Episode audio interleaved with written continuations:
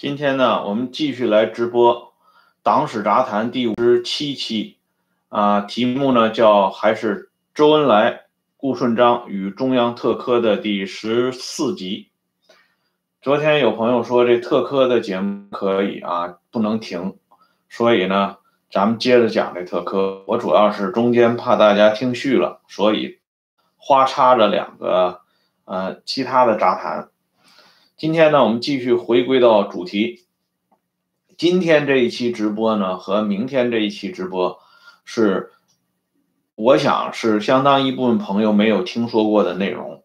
啊，也是我这么多年来呃研究这个一九二九年到一九三二之间这个中共党史的一个小小的心得吧，所以非常愿意拿出来跟大家呃一起进行这个分享。我们讲到这个顾顺章，前两期一直提到一个由头，就是说这顾顺章和陈赓之间闹矛盾，包括顾顺章在后人的回忆当中写的如此的不堪，啊，什么吃喝嫖赌抽啊，坑蒙拐骗偷，等等吧，这些乱七八糟的事情。那么为什么作为中央特委的主要负责人，周恩来对顾顺章能够一而再而三的容忍呢？那全是因为。顾顺章在关键时刻拉了兄弟一把，这句话，呃，应该说在我们这个年龄段的人可能知道的也不多。再在这个年龄再大一点，五十来岁以上的应该知道这句话的出处。呃，老电影《南征北战》里面啊，那李军长不是喊一句吗？看在党国的份上，拉一把吧。顾顺章就是看在党国的份上，拉了周恩来一把。这时间呢，就是发生在一九三一年一月份的中共六届四中全会上。这要开六届四中全会之前的原因我已经介绍了，因为李立三的这个事情惹怒了共产国际。这三说话说的很厉害啊，他甚至提出来啊，你共产国际不给我经费，我也照样闹革命。这共产国际给这经费啊。我给大家给呃拿一个出处啊，这是根据这个俄罗斯的档案编辑出版的啊，《共产国际与中国苏维埃运动（一九三一年到一九三七年）》这个核定本，这上呢摘引了很多当年号称是绝密的这个电报，其中呢，一九三三年七月十七号，这是六届四中全会之后了啊，这个在莫斯科的这个电报，就是说。国际革命战士救济会每个月给中国国际革命战士救济会拨出一千五百元，啊，这是这个具体的数字。再念一个呢，就更有意思了，就是一九三三年八月十一号，上海当时留守的中央局给莫斯科米哈伊尔和王明发去电报。这李竹生作为临时留守的这个负责人，他说了，他再重复一遍。我们现在的财政状况很危急。七月份我们只收到六万一千九百法郎和两千元，我们不得不停止联系和把机关工作人员压缩到最危险的极限。光是党每月就需要不少于四点三万元，青年团需要一千四百一十一十七元，还有工会绝对需要给予明确的答复。这这份账呢？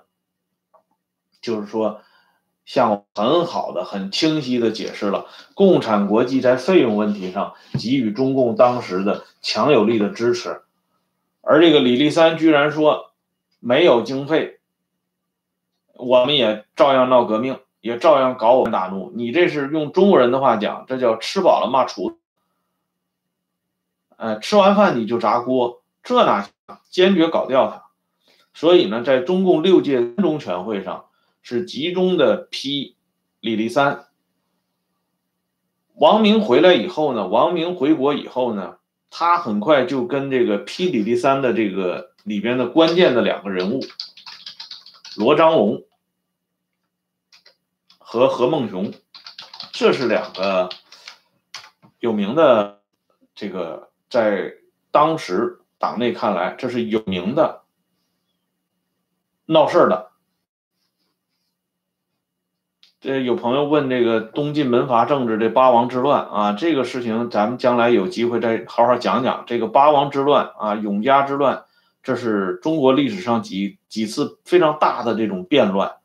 很有借鉴的意义。这罗章龙和何孟雄呢，资是非常深的，都是出自于南陈北李亲自调教。你像何孟雄本人，那是李大钊最早成。啊，北京共产党小组里边的主要成员，他和罗章龙、刘仁静、啊高君宇，这都是中共早期的著名的活动分子、骨干力量，都是齐名的。你像说起这个北京市委，中共北京市委，他的第一任书记就是何孟雄，只是那个时候呢，他不市委，他叫北京地委。这何孟雄呢，这个人很有斗争性。他是湖南陵县人啊，这湖南人啊，就是很富斗争性。他和罗章龙、王克全他们就是反对李立三的这个东西。本来呢，他们应该是受到表扬的，可是呢，他在六届三中全会上居然受到了批评。为什么受到批评？因为中央认为李立三做的是不对。李立三做的不对的核心在于他不听国际的招呼，不听莫斯科的管理，所以李立三是错误的。反过来，你何孟雄，你作为下级干部，你对执掌中央重要权力的向忠发同志和李立三同志，你有意见你可以提，但是你不能攻击他们，你不能谩骂，甚至你怎么还能就是想动手打他们呢？那不得了了，所以你这何孟雄你也有错误。结果呢，三中全会上把这个这哥几个各自打了几几十大板，所以这何孟雄就更来气了。何孟雄呢，同这个王明就联合起来了。一开始何孟雄和王明他们是联合反李立三的，而且当时呢，王明他们认为你六届三中全会上反李立三就是轻描淡写、浮皮潦草。没有触及到重点，没有进行更深层的清算。实际上，这是与周恩来有关系的。周恩来本人口衔天线，拿着尚方宝剑回来，把李立三一脚给踢开了。但是周恩来是留有分寸的，因为周恩来留分寸呢，他是不光是周的这个为人啊，周这个人是很讲究啊，做人留一面，日。好相见这套东西的，当然这是要分对谁。你比如说，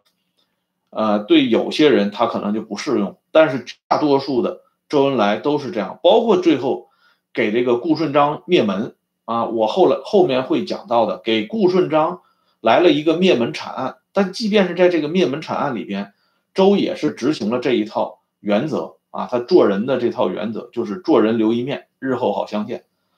因此呢，他在六届三中全会上奉着国际的命令批判李立三的时候，他是留了一手的。道理很简单，因为我之前已经讲了四大口，周恩来喊的是最响的，而且周恩来是主要的炮制者。李立三不过是跟随着向忠发和周恩来是跑龙套的啊。周恩来不在的时候，李立三才属于这个啊山中无老虎，猴子称大王的这个状态。所以周恩来不愿意把这个李立三打得太狠，李立三咬得太急了，李立三可能就说出一些大家不想听到的事情，而且呢，这里还连着向忠发，向忠发是斯大林必保的人，这一点周恩来比谁都清楚，所以周恩来不愿意把这些事情搞得太绝，这样呢，就给王明、罗章龙、王克全、何孟雄。他们一个感觉就是说，你这没有做到除恶务尽、斩草除根呢，这个是不符合国际给我们带回来的任务。国际给我们带回来的任务就是让我们疯狂的咬这李立三呢。所以呢，这王明、何孟雄、罗章龙他们又折腾，就是说一定要彻底的解决这李立三的事情。但这个时候呢，他们张罗是搞什么呢？搞一个中共中央紧急会议，就有点像八七会议似的。啊，搞一个紧急会议来解决李立三的问题，但这个时候米夫已经到了，啊，就是国际东方部的副部长米夫。米夫实际上是作为周呃周恩来走后，斯大林任命的一个特使。周恩来走了以后，把张国焘留在了莫斯科。后来张国焘回忆说，这米夫呢，实际上他的这个角色非常特殊。我们现在看到的这些介绍中共六届四中全会的，都是说王明在米夫之下。啊，然后操纵这个会务，然操纵选举，弄了这么一个不伦不类的这个领导班子上。其实米夫哪有那么大的能量？而后来我们都知道，米夫在大清洗当中被斯大林批准处决了。可是被批准处决米夫之后呢，王明的这个荣宠并没有因此一落千丈啊。可见米夫当时就是斯大林的传声筒而已。这米夫。当时呢，听到王明他们谈到要开几个亿，米夫就是认为你打墙也是动，干脆我们来一个最狠的，直接开中共六届四中全会，就开全会了。这个事情呢，王明是事后才知道的，但是周恩来和向忠发是早于王明知道的。所以说，王明在四中全会上受到米夫的支持啊，什么的有待商榷。啊，因为那个时候王明的地位是远逊于周恩来和向忠发的。但米夫强调要把王明塞进中共江苏省委书记的这个任上，当时呢叫江南省委书记啊，一定要把王明摆到这个位置上来。所以呢，江南省委因此进行了改组，最后按照米夫的。要求把王明推了上来。实际上那个时候的王明啊，他根本不行。哎，王明那个时候在党内，别说这个这些重量级人物，就是李维汉，一开始都要跟王明搞一搞啊。李维汉自己后来回忆嘛，他当时李维汉是政治局委员兼江南省委书记，所以李维汉说，本来我是主张同王明等人斗争的。后来共产国际代表来了，说他们是正确的，我的态度就转变了。既然国际来人了，那还有什么可说的？哎，就是说李维汉不想这么，啊，主动的就把江南省委书记让给王明，那要厮杀一番的啊，厮杀很久的，我怎么能随随便便把这位置交出去呢？但是人家米夫来了，米夫是谁呀？上面顶着斯大林呢。李维汉马上就投降了啊，就就马上就把这个位置交出去了。可见呢，王明那个时候真的是见经传的这么一个人物，而且那个大家也不知道王明跟莫斯科有这么深的关系，交了底了。这件事情呢，就是米夫向周恩来交底这件事情，这个。很多党史的这个教科书里边是绝对不会提到的。这样呢，这个七宾八臭的这个六届四中全会就召开了。这六届四中全会开的很狼狈。当时负责全国铁路工会工作的徐兰芝，他是候补中央委员。他呢到了会场以后，他就问，进来以后他就问：你们开什么会呢？那个时候的中央中央全会不像今天这么隆重这么吓人，那个时候就是啊弄点桌子椅子，啊随便就开了。这徐兰芝一问，会场上就有人告诉我说开的是中央全会六届四中全会。这徐兰芝当时就来脾气了，说我是候补中央委员，我都没有接到通知，你们开的哪门的中央全会呢？这当场就干起来了，这会场秩序就开始有点乱，所以后来呢，关于这个中共六届四中全会是不是合法，这党史上一直有争论，但是最终呢，包括毛泽东，啊，他也最后承认六届四中全会是合法的。为什么合法呢？那是国际批准的，莫斯科批准的，所以就是合法的。六届四中全会呢，这次会议对于周恩来来说太重要了。因为这次会议表面上是清算这个李立三，实际上是清算中中共中央整个的领导班子。因为斯大林非常恼火，这个六大，我们讲到斯大林是花了很大的价钱，把你们这些中国的代表集中给弄到莫斯科进行统一的洗脑，结果你们刚开完六届二中全会，周恩来刚刚去这个莫斯科去汇报，你们在国内居然就不听国际的招呼，居然还说要重打鼓、另开张、另起炉灶，还不要我们给的经费了。那我们当初费尽千难万险把你们弄到莫斯科来，那这功夫不是白费了吗？所以斯大林对这个中共当时的这领导班子整体都是不满意的。这个六届四中全会，斯大林是要搞一次大规模的换血的，凡是不听话的，一律踢出去。包括这个瞿秋白，瞿秋白呢在莫斯科深度卷入中山大学的这场斗争，因此呢失宠于。莫洛托夫，啊，那当然也就失失宠于斯大林了，因为莫洛托夫在那个时候是斯大林重要盟友，所以呢，这个整个的情况就发生了一个特殊的变化，在六届四中全会开之前呢，米夫就已经表态了，米夫认为周恩来。必须要留下，这是实际上是米夫传达了莫斯科的意见，但是瞿秋白不能留。瞿秋白不能留这件事儿，周恩来和向忠发是知道的，而且呢，这件事情现在党史上有两个版本，一个版本呢是通行的，是说周恩来他们认为秋白同志。实际上是很好的一个同志，他呢只是认识上的问题，他还是应该继续留在政治局里边跟我们一道工作。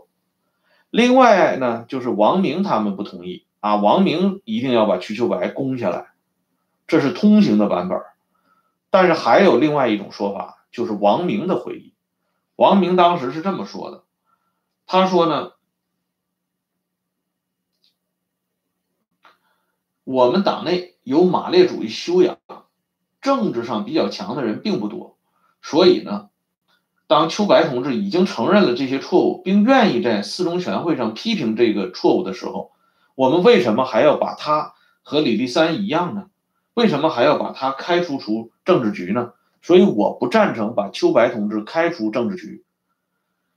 我提议找远东局的同志谈一谈，把秋白留在政治局内。但周恩来、向忠发却说来不及了，所以王明始终认为应该保留秋白的政治局委员，让他在四中全会上做自我批评更好些。后来米夫仍然坚持不同意保留秋白做政治局委员，这是王明的回忆。王明的这个回忆呢，虽然是比较孤立的，相对于通行的版本，但是。考证于其他的相关史料，我们要知道，王明的这个回忆是非常有价值的，值得采信的。在这个官修本的周恩来传里面，啊，这个传里边也提到一点，就是米夫提前透露要把周恩来留下来，把瞿秋白排出去。哎，所以呢，虽然他认这个周恩来传里边是为了给周恩来涂抹脂粉。说是怕王明呢，呃，形单影只，不好驾驭这个中央机关的呃权力运行体制，所以呢要把周留下来，扶上战马走一程，是这么个原因。但实际上呢，米夫传达的就是斯大林的意意志，就是周恩来可以留下，向忠发可以留下，瞿秋白必须赶出去。因此。周恩来和向忠发以来不及为借口告知王明，这个应该是可信的。我们知道周恩来和瞿秋白的关系很好的，这两个人，呃，好到什么程度呢？周恩来一直管瞿秋白叫阿秋，啊，就是瞿秋白的名字当中的一个阿秋，而且呢，他们应该说都是江江苏的同乡嘛，一个是常州的，一个是淮安的嘛，所以两个人关系很好。而瞿秋白呢，这里我要插一段这个瞿秋白的东西，因为正好是赶上讲到瞿秋白了。这个瞿秋白在莫斯科的时候，在卷入中山大学问题上失宠，进而呢殃及池鱼。哎，殃及池鱼呢，就是他弟弟瞿景白也受到了牵连。所以那个时候呢，像杨尚昆啊、陈修良，就是原来中共南京地下市委书记。陈修良，她的丈夫呢是后来担任了浙江省省长的沙文汉，呃，沙沙家呢这几个兄弟是很有名的，什么沙文汉呢、沙孟海呀、沙文球啊、沙文威呀，啊，这哥几个是在中共党史上很有名气的。陈修良和杨尚昆都回忆，这个瞿景白呢是当着他们的面儿啊撕掉这个联共的候补党员的党证，然后就失踪了。所以呢，历史上一直认为这个瞿秋白的弟弟瞿景白就是死了。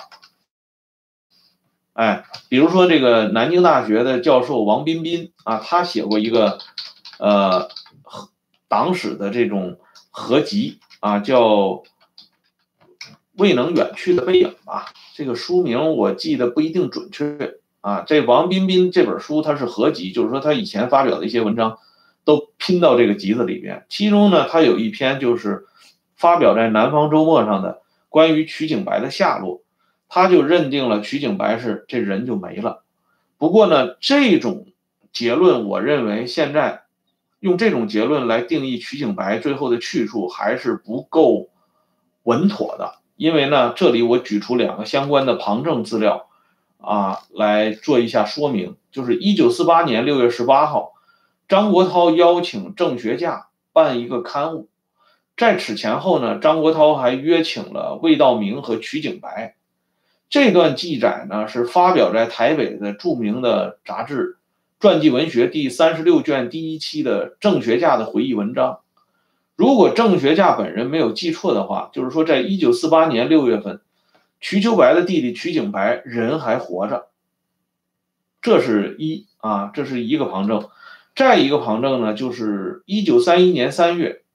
已经在中共六届四中全会上当选为中央政治局候补委员的刘少奇校阅这本书，叫《中国职工运动材料汇录》，并且为该书作序。刘少奇对这个小册子呢评价很高，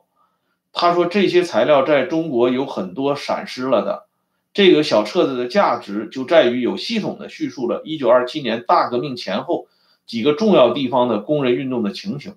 而这个小册子就这个职工运动资料的这个汇编呢，就是瞿秋白的弟弟瞿景白编的。瞿秋白本人呢在这里也着力不少，等于说是哥俩的合作的这个产物。而我们都知道，刘少奇在中共六届四中全会上被擢拔进入政治局。这是共产国际莫斯科的意见。当时莫斯科认为刘少奇是一颗冉冉升起的，在公运里边非常瞩目的新星，要对刘少奇进行大胆的提拔。所以稍后呢，当年底啊，就是王明、周恩来都离开上海的时候，你就的一个中共中央临时政治局的这个留守留守班子，著名的这个常委九常委，其中呢。这个刘少奇和黄平的名字是共产国际远东局临时加上的，原来酝酿的没有刘少奇和黄平，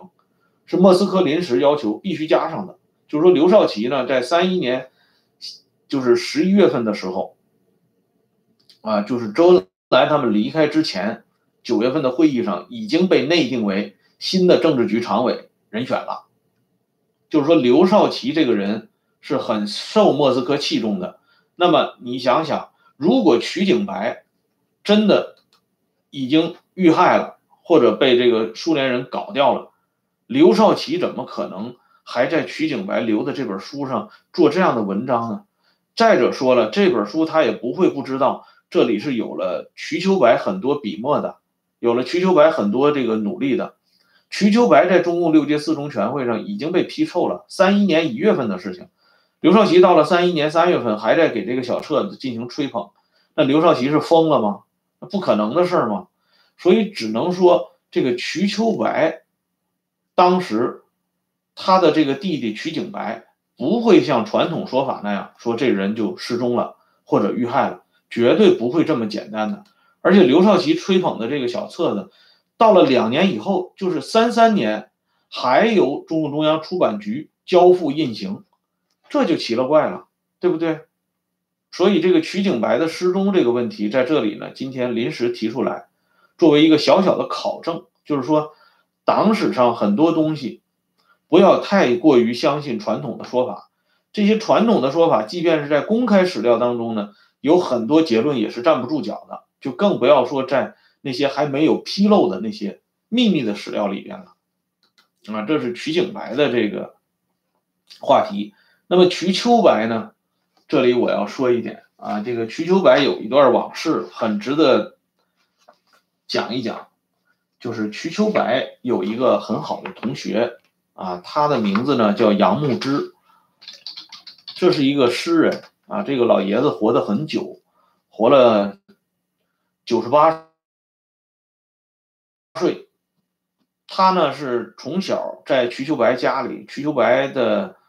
呃家里呢雇佣杨牧之的妈妈做短工，所以呢杨牧之从小就跟这个瞿秋白在一起。他比瞿秋白小三岁，跟瞿秋白是种角之交。啊，就是用现在的话讲，是从小玩到大的这个小伙伴儿。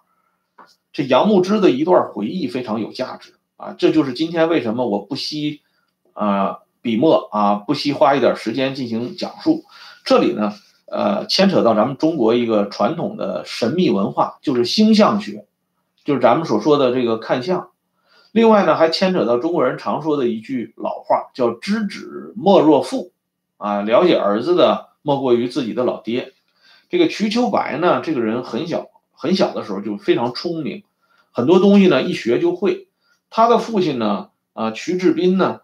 是喜欢书画的，所以瞿秋白受这个影响，就能够出口成章。比如说，他升了中学的时候呢，